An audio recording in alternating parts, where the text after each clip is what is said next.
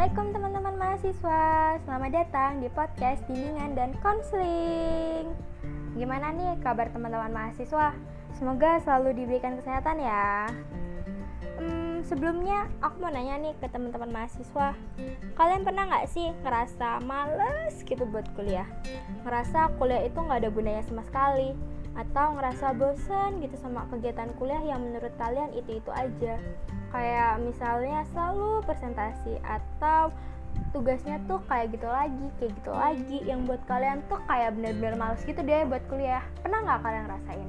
Kalau pernah wah kita sama dong. Aku juga pernah ngerasain soalnya. Dari rasa bosan itu tuh pasti buat motivasi belajar kita tuh bakalan gak ada kan ya yang rasanya tuh kayak ah udah ah penikah aja ya kan?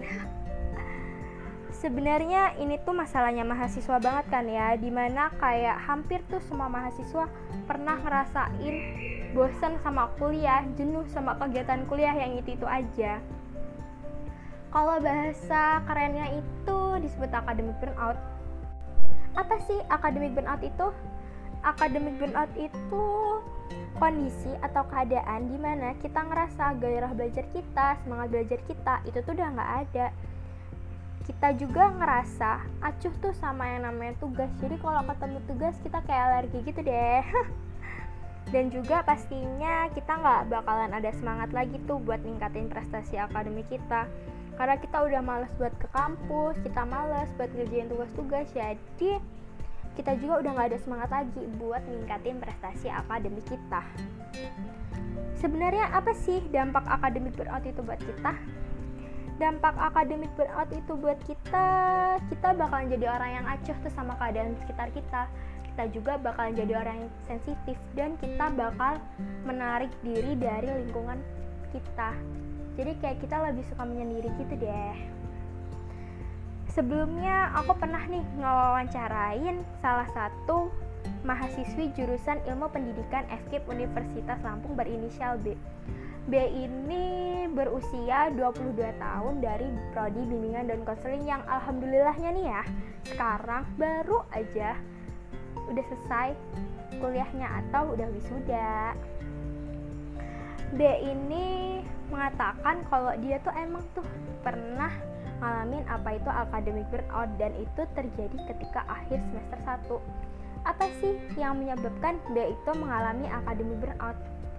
yang menyebabkan B itu mengalami akademik burnout awalnya itu B itu sakit yang cukup lama sekitar semingguan gitulah yang buat B itu harus diopnam di rumah sakit yang ada di kampungnya pas B kembali ke kos-kosannya masalah yang dihadapin itu mulai numpuk. Kayak teman-temannya tuh ngasih tahu tuh kalau tugas-tugas kuliahnya itu tuh banyak. Dan keadaan kosannya tuh yang berantakan dan kotor. Saat itu B merasa tertekan, merasa khawatir yang terlalu berlebihan banget dan merasa males sehingga dia tuh kayak berhenti di suatu kejadian gitu yang buat dia tuh kayak ngerasa males buat ke kampus, males untuk kerjain tugas dan males untuk membersihkan kosannya. Awalnya B tuh emang nggak tahu kalau yang dia hadapin itu tuh akademik burnout jadi dia ya cuma malas-malasan aja dan gak ada usaha tuh untuk ngatasin masalah itu sampai akhirnya masalah itu tuh lewat dan hilang gitu aja tanpa B tahu apa sih sebenarnya cara untuk mengatasinya. Untungnya di semester berikutnya B tuh tahu kalau yang dia alamin waktu itu tuh adalah akademik burnout dari dosen mata kuliahnya yang kebetulan saat itu ngebahas tentang akademik burnout. Jadi sekarang dia paham tuh gimana sih cara untuk menghindari dan gimana cara untuk ngatasin akademik burnout itu dari ilustrasi itu kita bisa ambil kesimpulan nih kalau sebenarnya akademik burnout itu terjadi karena kita kurang bisa mengontrol atau mengatur diri yang menyebabkan masalah dalam diri itu muncul dan juga kita akan merasa jenuh dan tertekan. Tapi sebenarnya nih ya guys, akademik burnout itu bisa juga terjadi karena nggak ada tuh hubungan emosional antara kita sebagai mahasiswa dengan dosen kita. Bisa ju bisa karena terjadi itu kita nggak suka tuh sama dosennya atau dalam penyampaian materi dosennya itu terlalu cepat. Yang buat kita tuh ngerasa bosan dan jenuh saat kuliah. Apa sih cara biar kita tuh nggak kena academic burnout cara biarin kita nggak kena academic burnout itu yang pertama kita harus bisa tuh ngatur waktu. Kita harus bisa membuat daftar prioritas. Mana sih yang harus kita kerjain duluan? Mana mana sih yang selanjutnya kita kerjain duluan? Jadi kita tuh harus bisa ngatur waktu. Mana yang harus diduluin mana yang nggak harus diduluin.